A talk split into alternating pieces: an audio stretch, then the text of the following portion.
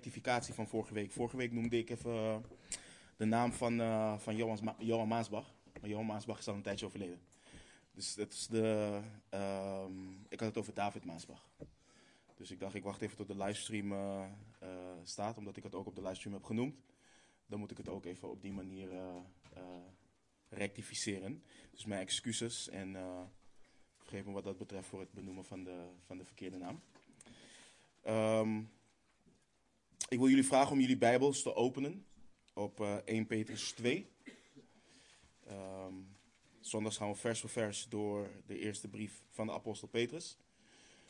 Vandaag wil ik uh, versen 19 tot en met 25 met jullie lezen. Dus we maken het hoofdstuk af. We maken al uh, vorderingen in, in de brief. Um, laten we lezen, bidden en dan vervolgens de, de tekst behandelen. Petrus schrijft onder leiding van de Heilige Geest, want dat is genade. Als iemand om het geweten voor God dingen verdraagt die hem pijn doen en daarbij ten onrechte leidt. Want wat voor roem is er als u het geduldig verdraagt wanneer u zondigt en daarvoor slagen ontvangt? Maar als u het geduldig verdraagt wanneer u goed doet en daarvoor lijdt, is dat genade bij God. Want hiertoe bent u geroepen, omdat ook Christus voor ons geleden heeft. Hij laat ons zo een voorbeeld na opdat u zijn voetsporen zal navolgen. Hij, die geen zonde gedaan heeft en in wiens mond geen bedrog gevonden is. Die toen hij uitgescholden werd niet terugschold en toen hij leed niet dreigde, maar het overgaf aan hem die rechtvaardig oordeelt. Die zelf onze zonden in zijn lichaam gedragen heeft op het hout, opdat wij voor de zonden dood, voor de gerechtigheid zouden leven. Door zijn striemen bent u genezen want u was als dwalende schapen, maar u bent nu bekeerd tot de herder en opziener van uw zielen. Laten we bidden. Machtige Vader, wat een zegen is het, Heer, dat we deze versen kunnen lezen, dat we ze kunnen behandelen, Heer. Wat een rijkdom vinden we in deze, in deze versen, Heer. We willen u bidden uh, en vragen, Heer, dat u ons een hart geeft om te horen. Of uh, een hart geven om te begrijpen, oren geven om te horen, Heer. En dat we niet alleen hoorders zullen zijn, maar ook daders. Geef ons verlichte ogen van ons verstand. En um, neem iedere vorm van afleiding. Neem alles wat ons zal verhinderen om uw woord tot ons te nemen, Heer. Neem dat van ons weg. En laat niet, niets van ons weggeroofd worden. In Jezus' naam bidden we. Amen. In uh, de vorige studie Vorige week hebben we stilgestaan bij een uh, praktische uiting uh, van de aansporing van de apostel Petrus. De aansporing om de levenswandel onder de heidenen goed te houden. Petrus wil dat de discipelen van de Heer Jezus, die naar hem toekomen als naar een levende steen, de discipelen die zelf worden gebouwd tot een geestelijk huis, tot een heilig priesterschap, hij wil dat zij hun levenswandel onder de heidenen goed houden. Dat is onder andere hoe discipelen geestelijke offers brengen die God welgevallig zijn door Jezus Christus. Leef eerbaar, schrijft Petrus. En, en Petrus riep op dat zij zich moesten onderwerpen aan alle menselijke orde, omwille van de Heer. Of het nou de koning is, hè, als hoogste machthebber, of het zij aan de stadhouders, de discipelen, die dienden het gezag wat de Heere God heeft aangesteld te respecteren. Ze dienden dat te eren. Het zijn van een bijwoner en vreemdeling ontslaat de christen niet van het respecteren van de orde die er is in een land. De christen kan het oneens zijn met wat de regering doet. De christen kan bijbels onderbouwen wat een regering niet goed doet. De christen kan zelfs vriendelijk weigeren om iets te doen wat regelrecht tegen een gebod van God ingaat. Maar de christen hoort nooit opstandig te zijn en nooit een rebellerend hart te hebben. De christen hoort de regering niet te minachten, niet te veronachtzamen. Hoe fel de regering ook zal opstaan, tegen de christen en waar de christen voor staat.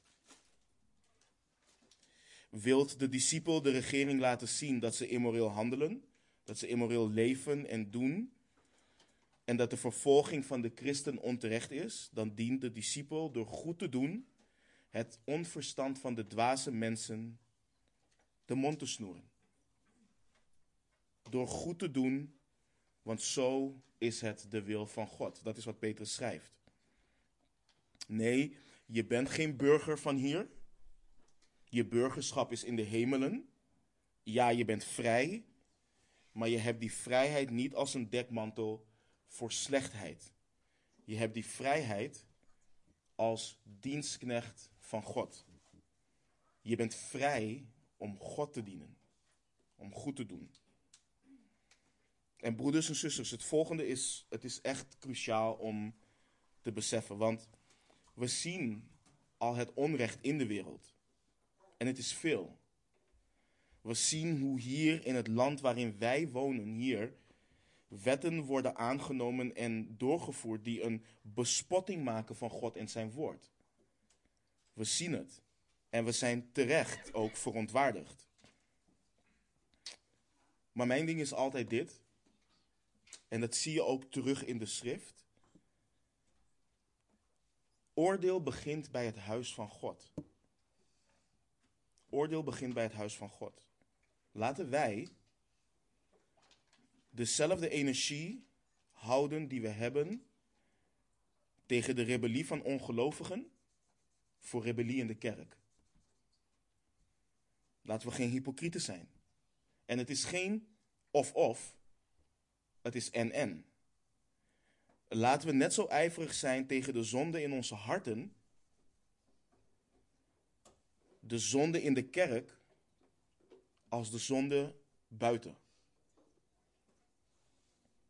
Aan wie veel gegeven is, zal veel teruggevraagd worden. En van hem aan wie men veel toevertrouwd heeft, zal men des te meer eisen. Ik minimaliseer niets wat de regering doet. Maar aan de Heere God komt de wraak en de vergelding toe op het tijdstip dat hun voet wankelt. In Deuteronomium staat voor zeker, de dag van hun ondergang is dichtbij en spoedig komen de dingen die hen te wachten staan. Maar de vraag die we onszelf oprecht moeten stellen is waarom hebben we excuses voor het niet liefhebben van onze mannen of vrouwen? Waarom hebben we excuses voor het tergen van onze kinderen? Waarom hebben we excuses voor rebellie tegen wat Gods woord overduidelijk leert? Waarom hebben we excuses voor het lasteren en smaden van de regering? Waarom hebben we excuses voor bijvoorbeeld onze worstelingen met lust? Waarom kunnen we onze zonde van woede-uitbarstingen minimaliseren tot irritatie of het verliezen van geduld, maar met al onze vingers wijzen naar de wereld? En wanneer we deze vragen stellen, wanneer deze vragen gesteld worden, dan vinden we het niet leuk. We vinden het niet leuk. We vinden het hard. We vinden het niet liefdevol. We vinden het niet opbouwend. Maar is het woord van God niet nuttig om te weerleggen? En niet alleen het weerleggen van de leugens van de wereld, ook het weerleggen van de leugens die wij geloven en waarin wij als beleidende christenen wandelen. De hypocrisie wat naar buiten komt. Ik hoop en bid dat we iedere vorm van rebellie tegen, Gods, tegen wat Gods woord duidelijk leert, dat we dat afleggen. Er is namelijk geen excuus daarvoor. Wat God heeft overgeleverd, heeft hij overgeleverd tot eer en glorie van zijn naam en ons ten goede als zijn kinderen.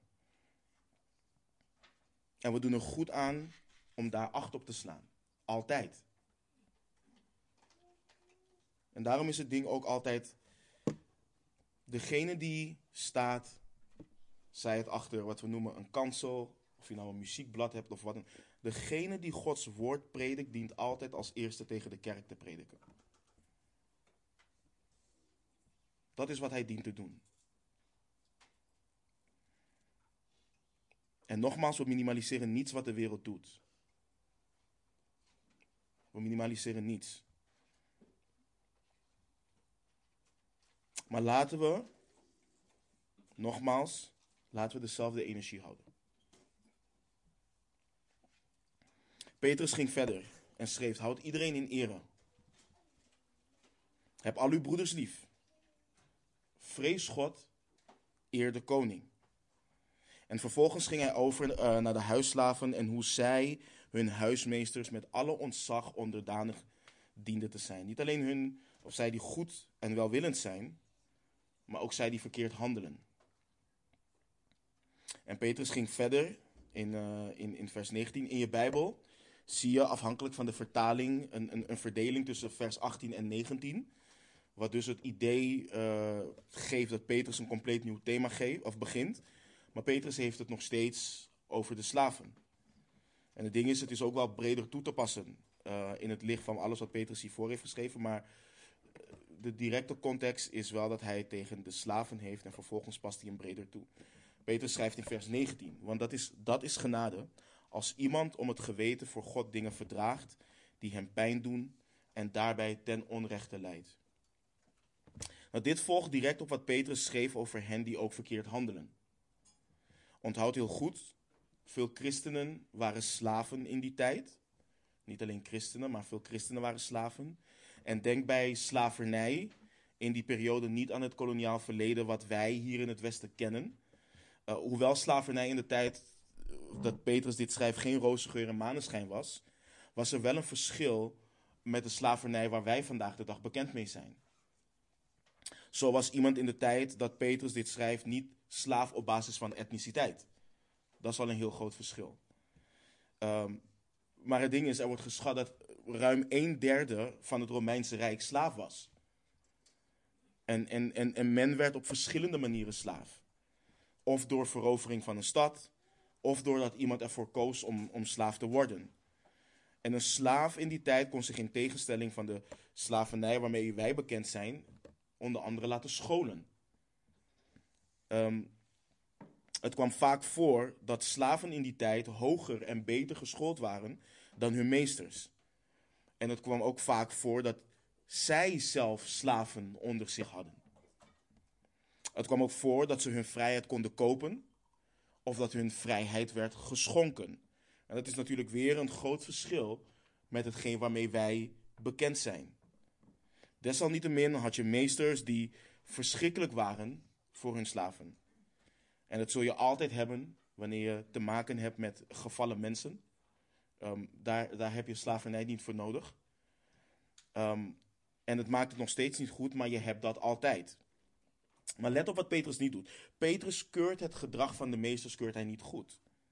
Sterker nog, de schrift doet dat niet. Paulus schrijft aan de Colossensen in hoofdstuk 4, in, in, in vers 1, Heren, behandel uw slaven rechtvaardig en op gelijk, gelijke wijze. U weet immers dat ook u een heren hebt in de hemelen. Nou, dit schrijft hij natuurlijk aan christelijke uh, heren. Aan de Efeziërs in Efeze 6, vers 9. En heren, doe hetzelfde bij hen. Laat het dreigen achterwege. U weet toch dat ook uw heren in de hemelen is.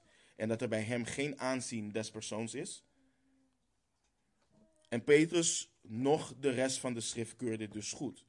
Maar Petrus is veel meer bezig met het hart van de beleidende christen die slaaf is. Hij wil dat zij hun meesters onderdanig zijn met ontzag. Of ze nou goed doen, of ze nou verkeerd handelen.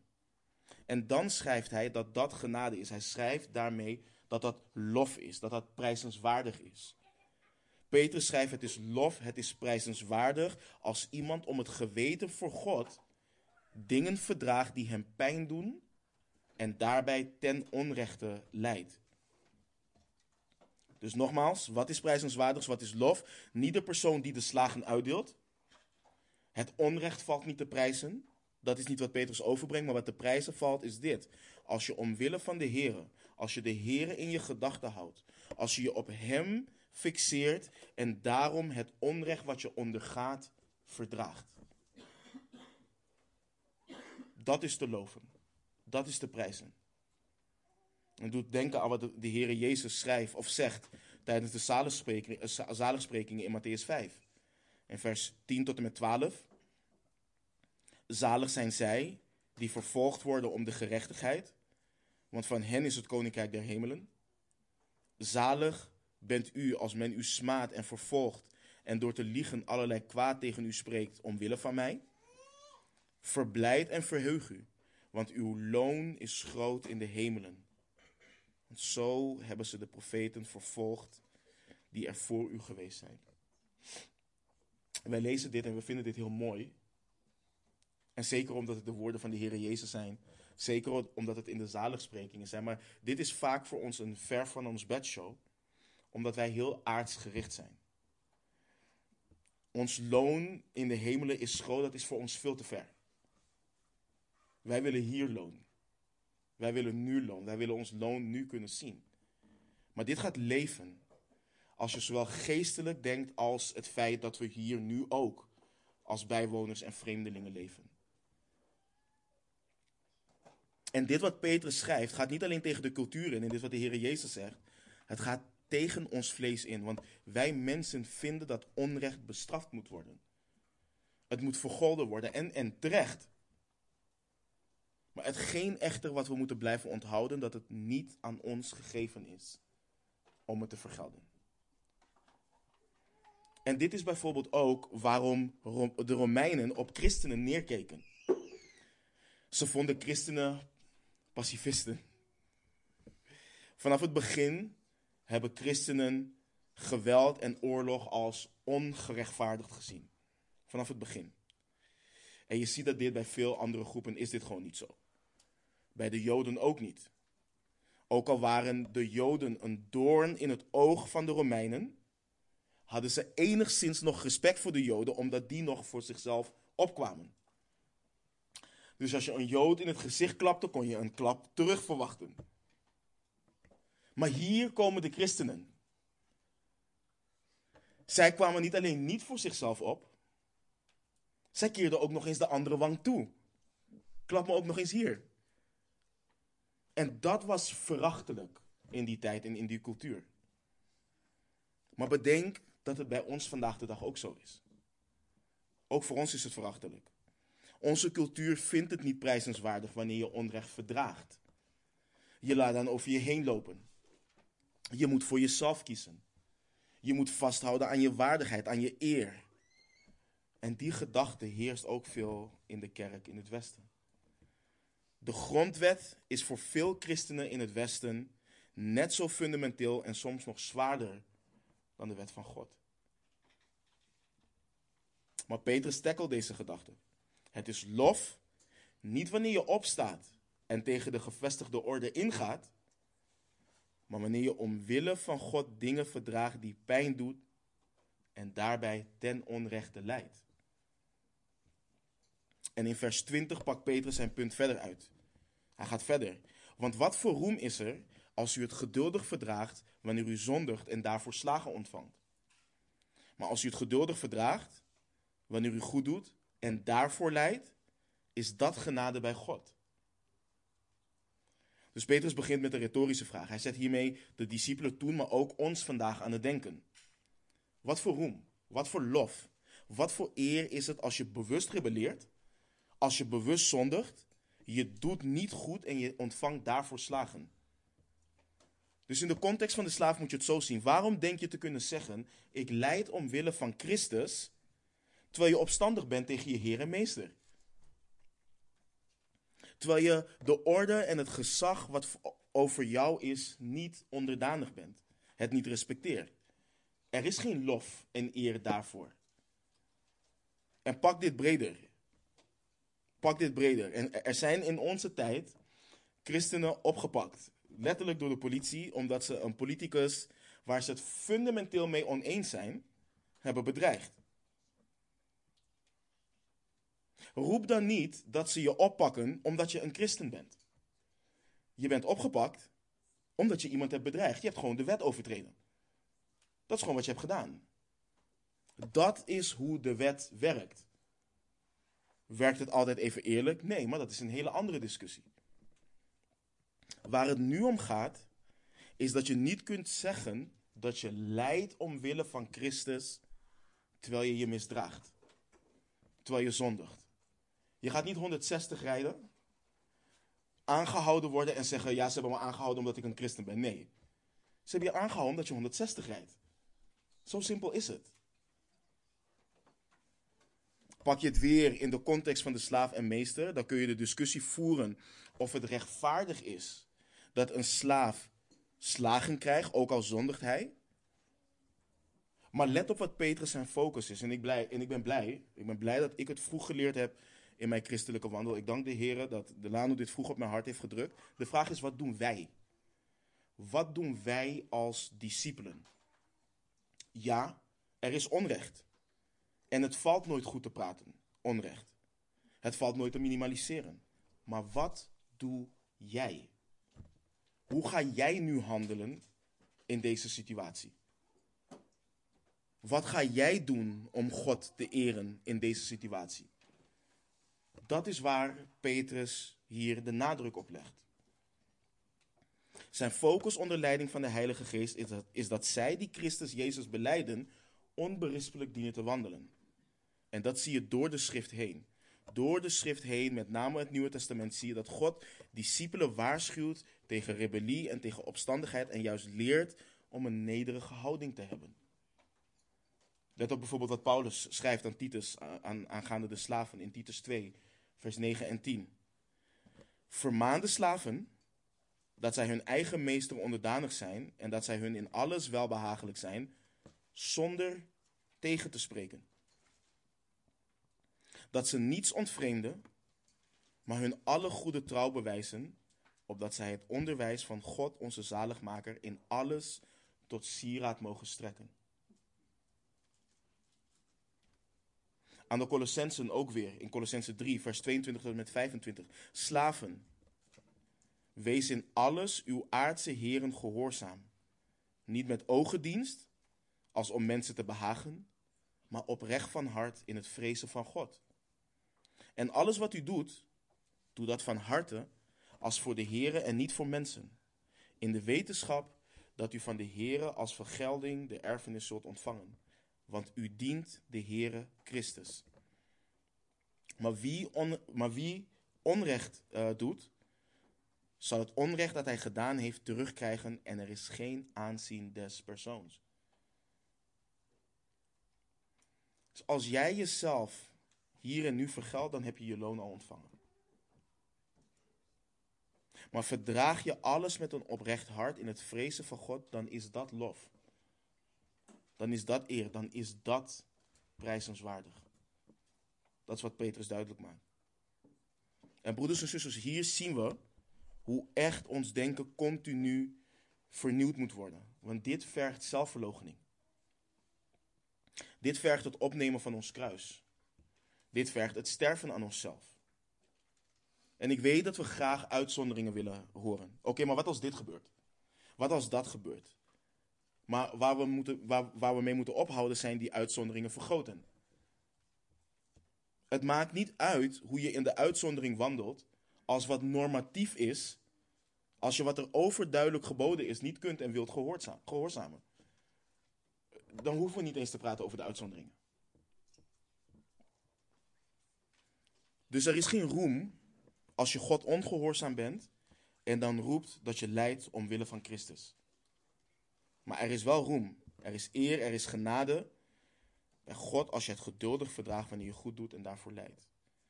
En dit wat Petrus hier schrijft is diepgaand en bijzonder, want wat is goed doen? En Petrus gebruikt dit, dit, dit hier vier keer in zijn brief. En in het Grieks spreekt dit van om te doen wat intrinsiek goed is. Dat wil zeggen geïnspireerd en aangedreven door God. Wat God goed vindt. En ik wil even met jullie naar het Evangelie van Marcus en daarna het derde hoofdstuk. Volgens mij, ja, ik heb hem op het scherm. Want de Heer Jezus illustreert dit wat Petrus hier schetst heel prachtig. In versen 1 tot en met 5. En hij kwam opnieuw in de synagoge, dus de Heer Jezus. En er was daar iemand die een verschrompelde hand had. En ze letten scherp op hem om te zien of hij hem op de Sabbat genezen zou, opdat zij hem zouden kunnen beschuldigen. En hij zei tegen de man die de verschrompelde hand had: Sta op en ga in het midden staan. En hij zei tegen hen: Is het geoorloofd op sabbatdagen goed te doen of kwaad te doen, een mens te behouden of te doden? En zij zwegen. En nadat hij hen rondom toornig aangekeken had, tegelijk bedroefd over de verharding van hun hart, zei hij tegen de man: Steek uw hand uit. En hij stak hem uit en zijn hand werd hersteld, gezond als de andere.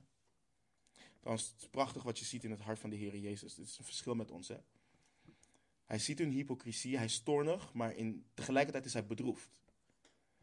Wij mensen slaan altijd twee, twee extremen op. Of we zijn helemaal toornig, of we zijn alleen bedroefd. In de Heer Jezus zie je, hij is toornig, maar hij is ook bedroefd. Want het is een, het, het is een verdrietige kwestie wat je hier ziet. Maar bestudeer je de wet, dan weet je dat je op de Sabbat niet mocht werken. Maar de fariseeën en schriftgeleerden hebben dit natuurlijk naar een, heel niveau, een nieuw niveau gebracht. Dat doen mensen vaak wanneer ze legalistisch zijn, maar dat verbloemen onder de naam ijverig zijn voor God. En hier heb je een man met een verschrompelde hand. Dus in plaats van te zien, van het te zien als het werk van God, iemand die genezen wordt op de Sabbat, zoeken ze om te kijken hoe kunnen we hem pakken? Hoe kunnen we hem beschuldigen? En dan zegt hij, is het geoorloofd op de Sabbatdagen goed te doen? Dat is het woord, dat is waar we naar kijken in het Grieks.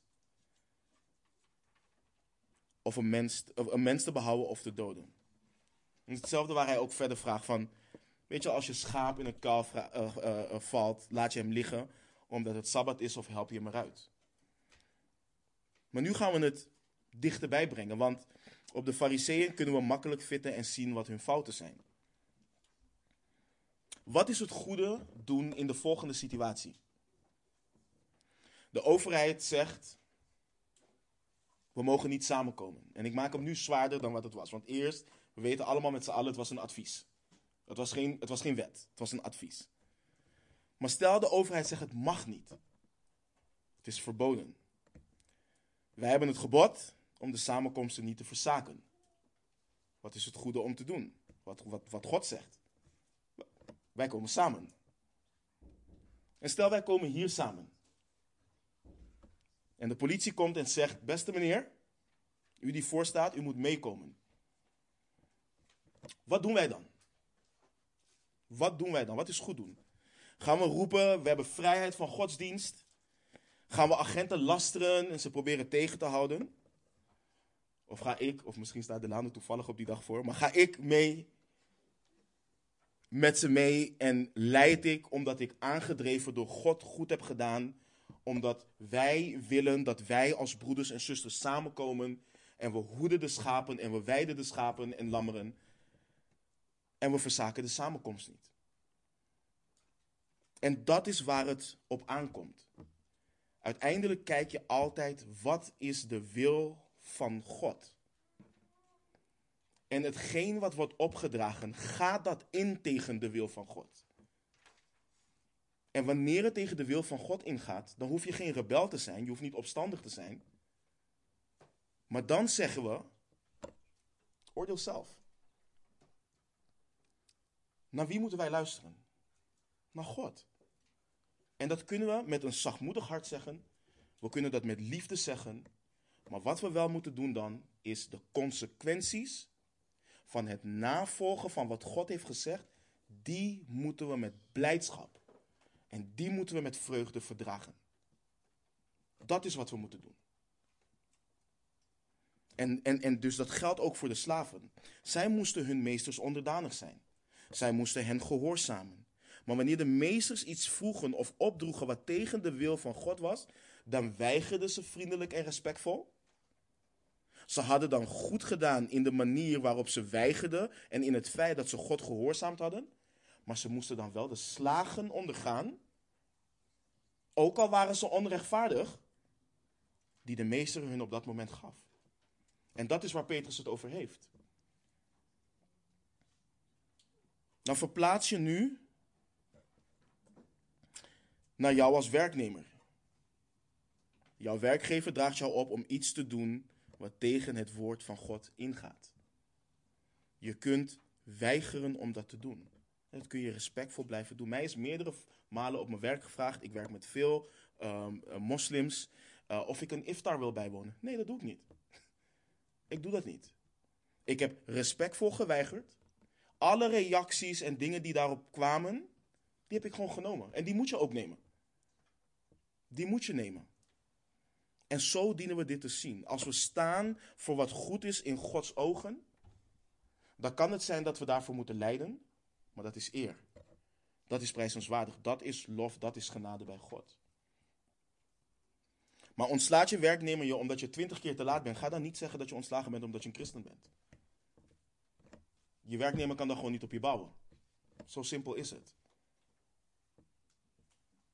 En daarom, broeders en zusters, daarom horen wij als christenen. Wij horen bijvoorbeeld geen uitspraken te doen als over de moslims zouden jullie dit nooit zeggen. Over de moslims zouden jullie nooit zo praten als jullie over ons praten. Over Mohammed zouden jullie niet praten zoals jullie over de Heer Jezus Christus praten. Luister, ons wapen is liefde. Dat is het verschil. Ons wapen is liefde, ons wapen is geen haat, ons wapen is geen vergelding. Wij nemen geen fysieke zwaarden op. Dat is waarom ze bang zijn voor hen. En niet bang zijn voor ons. In, tijdens de kruistochten waren ze bang voor de christenen. En je weet en, en je ziet waarom. Maar ons wapen is liefde. Wij hebben een zwaard en dat is het zwaard van de geest. Wij hebben het woord van God. Wij weten dat wij niet strijden tegen vlees en bloed, maar tegen de overheden, tegen de machten. Tegen de wereldbeheersers van de duisternis van dit tijdperk, tegen de geestelijke machten van het kwaad in de hemelse gewesten. Dat is onze strijd. En als we dat niet beseffen, dan zullen we een strijd naar het vlees gaan voeren. En de vraag die nu kan gaan opspelen is dit. Maar dit is toch niet de wil van een goede God voor zijn kinderen? Nu weten we eindelijk waarlijk wat goed en kwaad is. Nu zijn onze ogen geopend. Nu volgen we hem na. Het kan toch niet zo zijn dat dit zijn wil voor hem, voor ons is. Is dit wat het onder andere betekent om Jezus Christus na te volgen? En dan zie je vers 21. Want hiertoe bent u geroepen. Omdat ook Christus voor ons geleden heeft, hij laat ons zo een voorbeeld na, opdat u zijn voetsporen zou navolgen. Ik zou zo graag willen dat zij, in de charismatische kerk, die de woorden van onze Heer Jezus Christus in Johannes 14 citeren, namelijk wie in mij gelooft, zal de werken die ik doe ook doen en hij zal grotere doen dan deze. Ik zou zo graag willen dat die mensen ook 1 Petrus 2 vers 21 citeren. Het zou wel zo eerlijk zijn, want let op wat Petrus schrijft, hiertoe bent u geroepen. Hiertoe bent u geroepen. En wanneer Petrus schrijft hiertoe, wijst hij terug op het laatste gedeelte van vers 20. Je bent geroepen om het geduldig te verdragen wanneer je goed doet en daarvoor lijdt. Onvoorstelbaar is dit in de oren van een ongelovige. Onvoorstelbaar in de oren van veel beleidende discipelen. Maar toch schrijft Petrus dit. En wij beleiden dat dit woord geïnspireerd is. Wij beleiden dat Petrus dit schreef onder inspiratie en leiding van de Heilige Geest. Er is geen discipel geen discipel uitgezonderd van de roeping om lijden te doorstaan voor het doen wat goed is. Geen enkele discipel. En dit is waarom de oproep om de kosten te berekenen zo een gewichtige oproep is. Dit is waarom de uitspraak van de Heer Jezus: Wat baat het een mens als hij heel de wereld wint en aan zijn ziel schade leidt? Of wat zal een mens geven als losprijs voor zijn ziel? Dit is waarom die uitspraak zo gewichtig is. Want de wandel van de Heer Jezus Christus confronteert ons met ons gevallen hart. Zelfs wanneer we verlost zijn door het geloof in Hem. En Petrus doet iets wat wij maar al te graag doen, maar het selectief doen. Zeggen we niet terecht. Christus confronteerde met zonde. Christus riep op tot bekering. Christus riep op om te waken voor wolven in schaapskleding. Maar Christus riep ook op om, te lijden, om het lijden te doorstaan. Ook dat riep hij op. En ons er bewust van te zijn dat als ze hem hebben gehaat, ze ons ook zouden haten. En hij heeft ons een voorbeeld nagelaten, schreef Petrus. En niet alleen een voorbeeld om naar te kijken en te zeggen: Oh, kijk eens hoe goed onze zaligmaker is. Nee, Petrus schrijft een voorbeeld opdat u zijn voetsporen zou navolgen. En daarom schreef de apostel Johannes in 1 Johannes 2, vers 6: Wie zegt in hem te blijven, moet, zelf, moet ook zelf zo wandelen als hij gewandeld heeft. Christus heeft voor ons geleden. En dit is niet in de zin geschreven, hij heeft voor ons geleden en nu leiden wij terug om hem terug te betalen. Dat is niet wat Petrus bedoelt, maar Christus heeft voor ons geleden. Hij is veracht, hij heeft alles doorstaan. En de auteur van Hebreeën omschrijft het als volgt in Hebreeën 12, vers 2. Hij heeft om de vreugde die hem in het vooruitzicht was gesteld, het kruis verdragen en de schande veracht. En zit nu aan de rechterhand van de troon van God. Let op vers 3 van Hebreeën 12. Want let toch scherp op hem die zo'n tegenspraak van de zondaars tegen zich heeft verdragen, opdat u niet verzwakt en bezwijkt in uw zielen. Let op hem. Let op de Heer Jezus Christus. Let op de leidsman en voleinder van het geloof. Let op de gezegende zaligmaker die alles tegen zich verdragen heeft.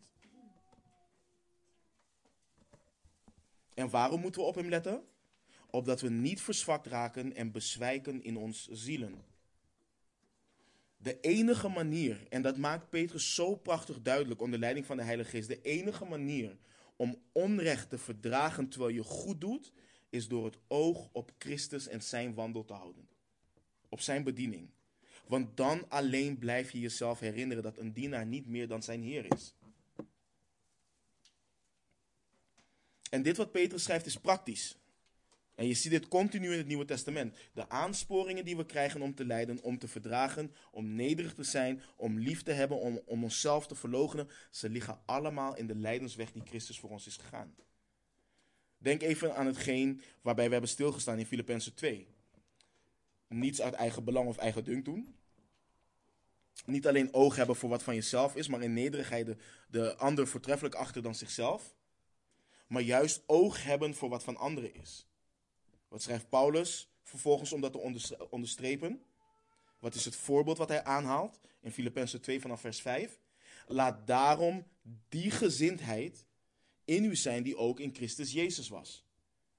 Die terwijl hij in de gestalte van God was, het niet als roof beschouwd heeft aan God gelijk te zijn, maar zichzelf ontledigd heeft door de gestalte van een slaaf aan te nemen en aan de mensen gelijk te worden. En in gedaante als een mens bevonden, heeft hij zichzelf vernederd en is gehoorzaam geworden tot de dood, ja, tot de kruisdood. Dus Paulus gebruikt de incarnatie van de Heer Jezus Christus, het feit dat hij zichzelf heeft ontledigd, hij gebruikt het feit dat hij gehoorzaam is geworden tot de kruisdood als reden, als onze redelijke godsdienst, om een nederige houding jegens elkaar als broeders en zusters te hebben. En dat is dus ook exact wat Petrus doet als het gaat om het lijden door de handen van hen die goddeloos zijn. Houd dit in dat je het lijden moet opzoeken? Nee. Dit is ook wat er, wat er na 300 na Christus op een gegeven moment fout ging. Constantijn komt aan de macht, hij komt tot bekering en dan opeens weten christenen niet meer, hé, hey, wacht even, we worden niet meer vervolgd. Het is legaal om nu een christen te zijn. Dus wat doen we? We pakken onze spulletjes, we gaan naar de woestijn en we gaan daar lijden, want de christen hoort te lijden. Zo heb je zelfs een kerkvader die, er, die ervoor heeft gezorgd. Een christen, hij zei letterlijk dit, een christen mag geen enkele vorm van comfort hebben. Dus, hij zat niet. Hij ging gewoon de hele tijd staan met alle gevolgen van dien. Dit is hoe ver we het kunnen brengen als we het uit de context halen.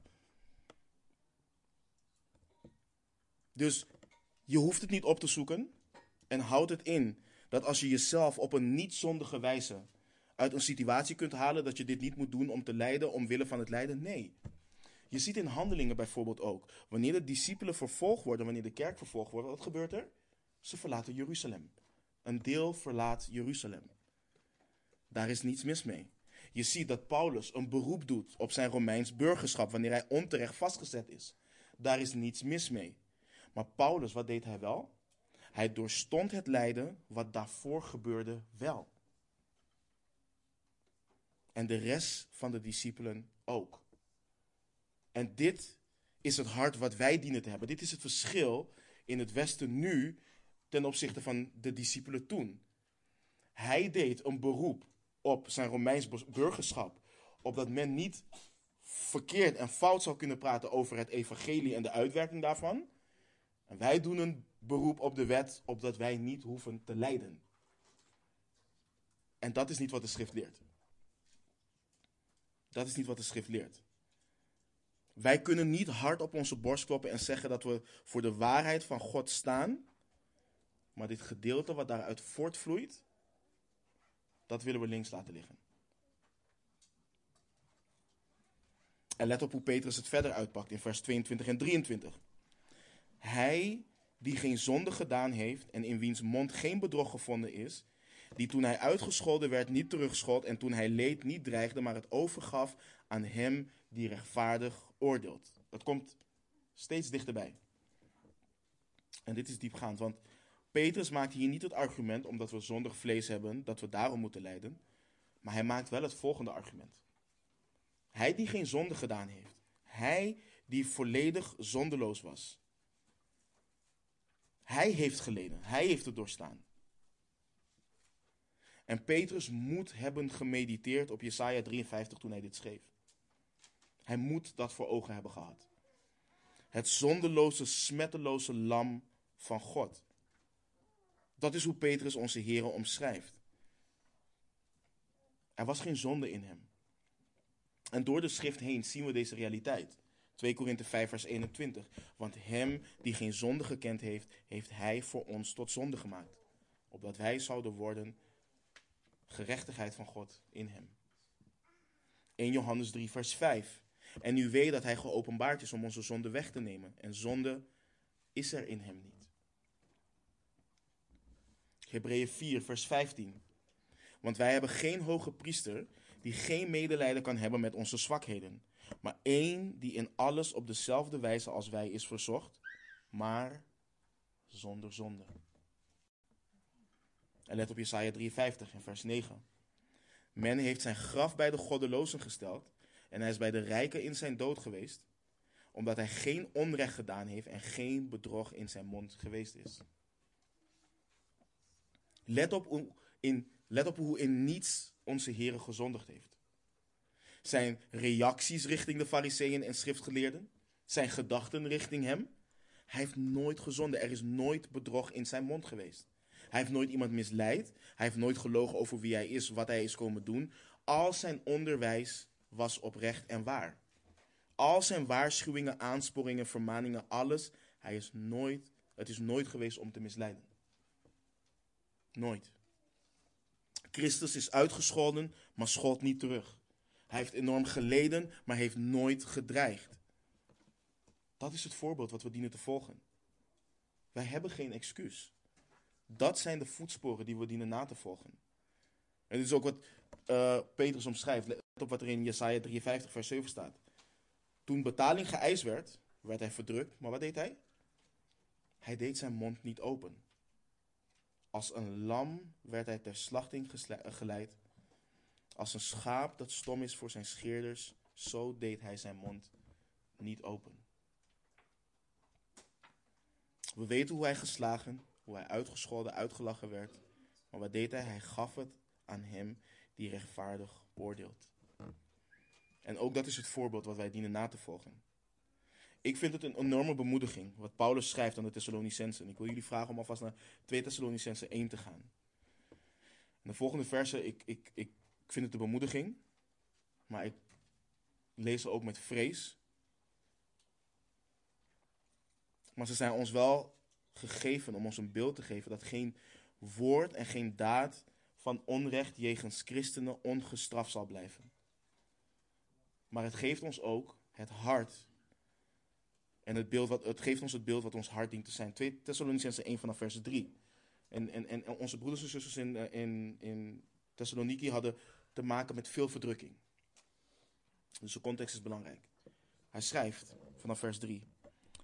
Wij moeten God altijd voor u danken, broeders, zoals het behoort, omdat uw geloof buitengewoon sterk groeit en de liefde van ieder van u alleen, van allen tot elkaar steeds toeneemt.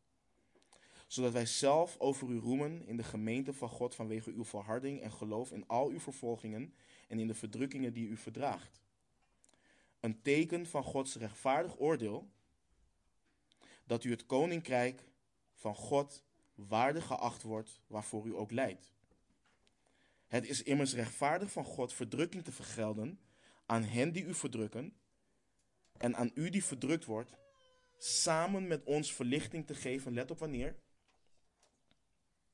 Bij de openbaring van de Heere Jezus vanuit de hemel, met de engelen van zijn kracht, wanneer hij met vlammend vuur wraak oefent over hen die God niet kennen en over hen die het evangelie van onze Heere Jezus Christus niet gehoorzaam zijn.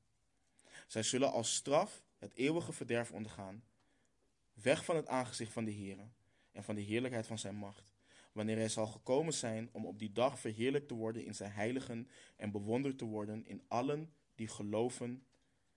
Want bij u vond ons getuigenis geloof. Daarom bidden wij ook altijd voor u, dat onze God u de roeping waard acht en hij al het welbehagen van zijn goedheid in het werk van het geloof met kracht volbrengt. Opdat de naam van onze Heer Jezus Christus in u verheerlijkt wordt en u in hem overeenkomstig de genade van onze God en van de Heer Jezus Christus. Weet je, wat, wat ik zo mooi vind, is, ik vind het altijd bijzonder wanneer we naar omstreden gedeelten in de schrift gaan, hè, zoals vrouwen die geen onderlingen kunnen, uh, ouderlingen kunnen zijn, of voorhoren te gaan, uh, hoofdbedekkingen en al die dingen, dan zijn we er stellig in. Dit is niet alleen een cultureel ding. Uh, dit is een verordening tot in de eeuwigheid. Maar wanneer het neerkomt op onze kijk, op lijden en vergelden, dan zijn opeens de tijden veranderd. Let op wat Paulus schrijft aan de Thessalonicensen. Wanneer komt de vergelding? Bij de openbaring van de Heere Jezus vanuit de, hemelen, vanuit de hemel met de engelen van zijn kracht. Wanneer hij met vlammend vuur wraak oefent over hen die God niet kennen. En over hen die het evangelie van onze Heer Jezus Christus niet gehoorzaam zijn. Dan komt het. En laten wij dit dan ook accepteren. Laten wij hier dan ook gehoor aan geven. Laten wij ons dus onderschikken aan alle gezag. En laten we niet lasteren. Laten we niet smaden. Laten we niet het fysieke zwaard opnemen, maar het geduldig verdragen wanneer we goed doen en daarvoor lijden. En Petrus is nog niet klaar met zijn voorbeeld. Hij schrijft over de Heer Jezus in vers 24, die zelf onze zonden in zijn lichaam gedragen heeft op het hout, opdat hij voor de zonde dood, voor de gerechtigheid zouden leven. Door zijn striemen bent u genezen. Er is natuurlijk een verschil in het lijden dat wij doorstaan ten opzichte van de Heer Jezus. Niet per se in de vorm, maar wel het doel. De Heer Jezus heeft geleden en is gedood als onze plaatsvervanger. Wij lijden niet om te betalen voor onze zonde of voor de zonde van anderen. En ik moet hier even bij stilstaan, want dit is belangrijk. Dit, dit dat Christus voor ons is gestorven, dit is klinkklare leer in de schrift. Het is heel duidelijk. Lees je heel Jesaja 53, dan zie je dit ook terug. Maar er is iets wat, we tegenwoordig, of wat ze tegenwoordig progressieve christenen noemen. Wat ik, geen christen, wat ik geen christendom noem. En je hebt veel bekende leraren die leren dat Christus niet gestorven is als onze plaatsvervanger. En deze leer krijgt steeds meer grip in kerken. Want zij zeggen dat zou de Vader onrechtvaardig maken. Het argument is, hoe kan een liefdevolle God, of hoe kan een liefdevolle Vader zijn eigen zoon zo overgeven voor zondige mensen? En ze gebruiken daar emotionele argumenten voor, wat veel waar veel beleidende christenen in trappen. Zo noemen ze het bijvoorbeeld een kosmische, kosmische kindermishandeling. Een zogenaamde theoloog omschrijft het zelfs als volgt, en ik citeer. Men omschrijft tegenwoordig een wraakzuchtige vader die zijn zoon straft voor een overtreding die hij zelf niet heeft begaan. Begrijpelijkerwijs hebben zowel mensen binnen als buiten de kerk deze verdraaide versie van gebeurtenissen moreel dubieus gevonden en een enorme hindernis voor het geloof. Dieper dan dat, echter staat dat zo'n concept volledig in tegenspraak is met de uitspraak: God is liefde. Einde citaat. Wat is hier mis mee? Te veel om op te noemen, want je kunt hier een hele studie aan wijden. Maar het ding is dit. Kijk, men heeft moeite met de ware betekenis van het kruis.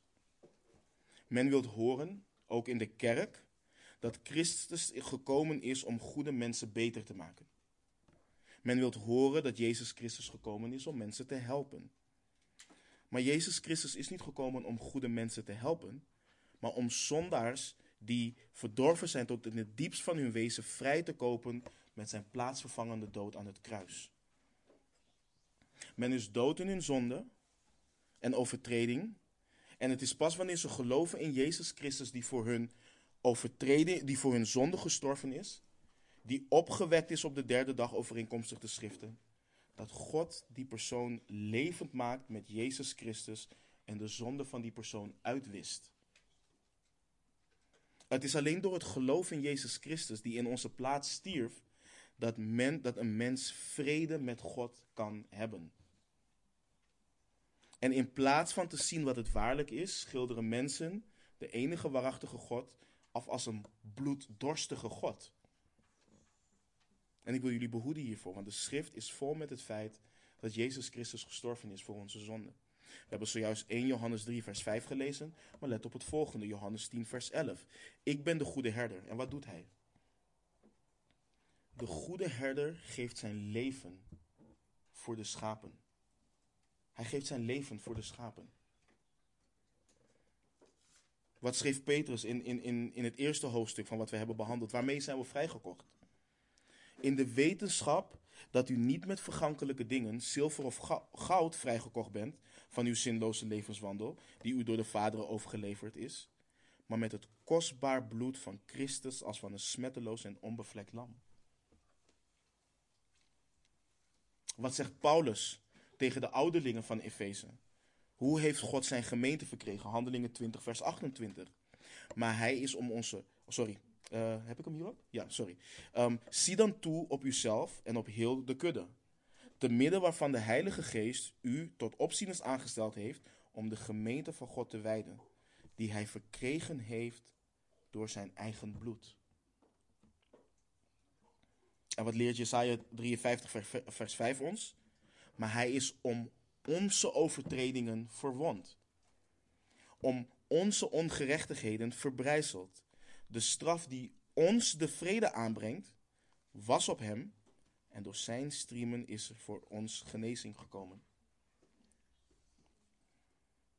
Dit is niets anders, niets meer en minder dan de hoogmoedige mens die zich buiten Christus om probeert te verzoenen met God. Die op basis van eigen verdiensten zaligmaking teweeg wil brengen. En het is onmogelijk, broeders en zusters, er is geen hoop voor de reiniging van zonde buitenom het werk van Jezus Christus. Voor niemand niet. Door het werk van Jezus Christus zijn wij gestorven voor zonde. Dat is wat Petrus duidelijk maakt. We zijn niet meer onder de heerschappij van zonde. Het heeft ons niet meer in haar greep. We leven er niet meer voor. We zijn gestorven met Christus en opgewekt met Hem en leven voor de gerechtigheid. Paulus omschrijft het ook aan de, aan de Romeinen, in Romeinen 6. Maar God zij dank, u was wel slaaf van de zonde, maar nu bent u van harte gehoorzaam geworden aan het voorbeeld van de leer waaraan u overgegeven bent. En vrijgemaakt van de zonde bent u dienstbaar gemaakt aan de gerechtigheid. Dus dit is niet onze eigen verdienste. Dit is, door iemand, dit, is door niemand anders tot stand gebracht dan door God, die de wereld zo heeft liefgehad dat hij zijn enige geboren zoon gegeven heeft. Opdat een ieder die in hem gelooft niet verloren gaat, maar eeuwig leven heeft. Dit is de liefde die God ons heeft getoond. En wie dit gelooft, is door de striemen van Christus genezen. En dat is de ware context en de ware betekenis van die uitspraak.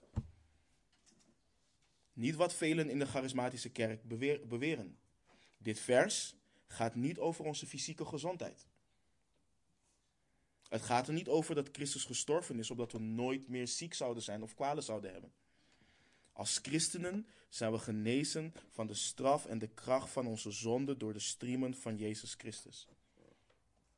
Door zijn dood in onze plaats, door zijn lijden voor ons. En let op de prachtige realiteit die Petrus schetst in vers 25. Want u was als dwalende schapen, maar u bent nu bekeerd door de herder en opziener van uw zielen. En ook dit weer is een verwijzing naar Jesaja 53, dit keer vers 6. Wij dwaalden allen als schapen, wij keerden ons ieder naar zijn eigen weg, maar de Heere heeft de ongerechtigheid van ons allen op hem doen neerkomen. het is zo diepgaand, zo diepgaand om te zien dat de oproep, de aansporing om te lijden, ook wanneer we goed doen, zij het aan de hand van de overheid of wie dan ook, geduldig te doorstaan, dat dat verankerd is in het verlossingswerk van onze Heer Jezus Christus. Dat het verankerd is in zijn gezindheid. Met zijn gehoorzaamheid, door zijn lijden, zijn wij bekeerd tot de herder, tot de opziener van onze zielen. Wat voor excuus hebben wij? Zijn wij meer dan onze Heer? Laten wij bidden met een dankbaar hart dat wij dezelfde gezindheid als onze zalig, zaligmaker mogen hebben, opdat zijn naam in en door ons heen verheerlijk mag worden. Laten we bidden. Machtige Vader, we danken u. Heer, we zijn u dankbaar voor uw woord. We zijn u dankbaar dat u zo goed voor ons bent, Heer. We zijn u dankbaar dat u uw zoon heeft gegeven. Heer, wat een liefde hebt u ons getoond. En wat een liefde toont u ons iedere dag weer. U bent geduldig met ons, Heer, want we zijn verre van volmaakt. En ik bid, Vader, dat deze tekst, dat het ons leert, dat u ons leert, Heer, om niet als huigelaars te wandelen, als hypocrieten, maar dat we echt onszelf volledig overgeven aan u, Heer. Dat we uw wil willen doen. En dat we niet leven voor onszelf. En dat we niet leven naar wat wij goed achten. Maar dat we leven naar hetgeen wat u hebt gezegd.